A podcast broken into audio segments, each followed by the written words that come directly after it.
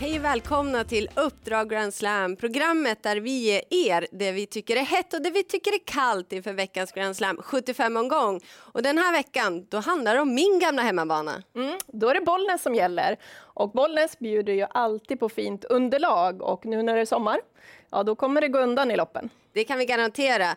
Det var förutsättningarna. Här kommer veckans heta.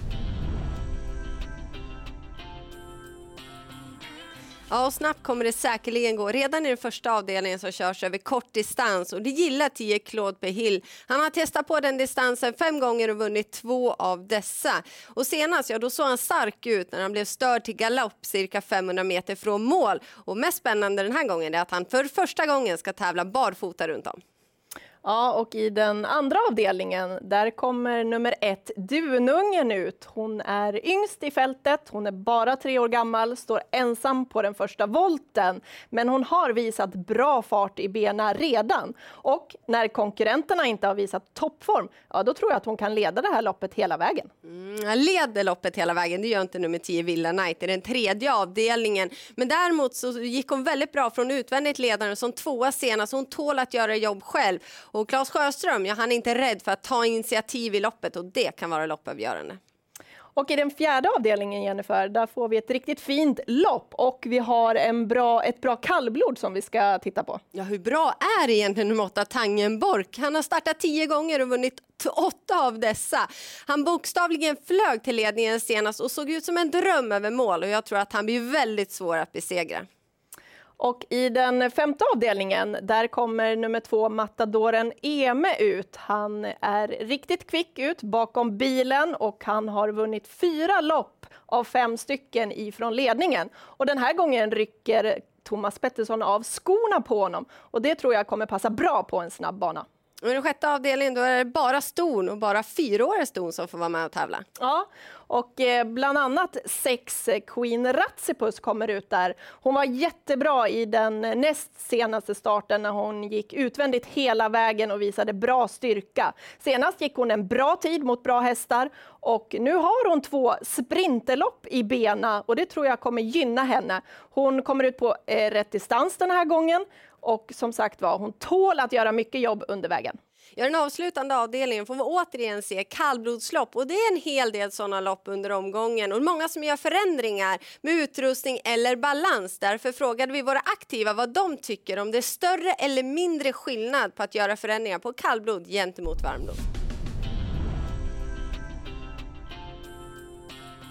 Såklart ner på individnivå men men även eh, jag tycker att ett par riktiga bakskor eller ett par riktiga framskor kan, kan ge väldigt fin effekt på kallblod eftersom de kan vara lite speciella i gången. Och, eh, medans, ja, jag upplever väl ändå att eh, lite mer effekt på varmblod kan det få eh, just att sänka tider.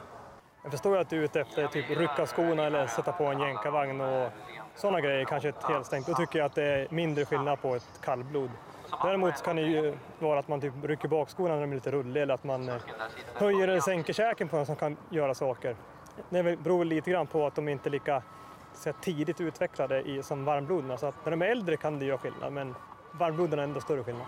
Större, de trivs bättre i jänkarvagn. Jag tycker att där kan det bli rätt så mycket växlar eftersom de har lite problem med aktionen och man lyfter upp dem och när de går barfota fram första gången av jänkarvagn har jag sett att det kan bli rätt bra effekt på dem.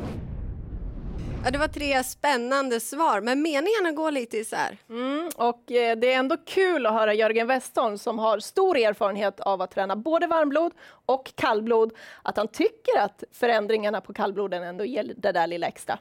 Och förändring det blir det på sex Sölvsveds Atlas i den sjunde avdelningen. Han ska tävla barfota runt om för andra gången i livet och han är obesegrad på den balansen. Och att han har spetsläge över kortdistans, ja det är bra. För ledningen har han gått i sju gånger och vunnit fem av dessa.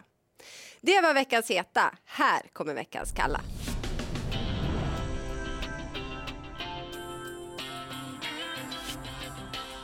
I den tredje avdelningen står nummer ett Kasserasha på tur för seger. Men jag är osäker på var han hamnar från start. Inte alls givet att han kan hålla upp någon ledning. Eventuellt så måste han tävla med bakskor, vilket känns som ett minus. Så håll koll på söndag vilken balans det blir.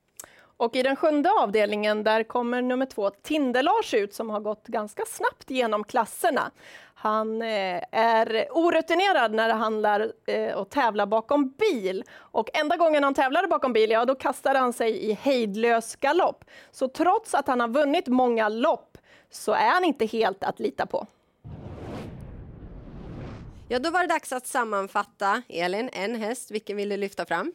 Då lyfter jag fram i den sjätte avdelningen nummer sex Queen Ratsiput som är ute på en mer passande distans den här gången och så räds hon inte att göra mycket jobb under vägen. Mm, jag litar på Daniel Wäjersten. I den första avdelningen 10 Claude Pehill. Jag är väldigt spänd på att se honom barfota runt om för första gången. Och visst är det roligt med kallblodslopp, flera stycken. Ja, vi har väldigt många fina kallblod eh, den här dagen och jag ser ju fram emot Tangenborg.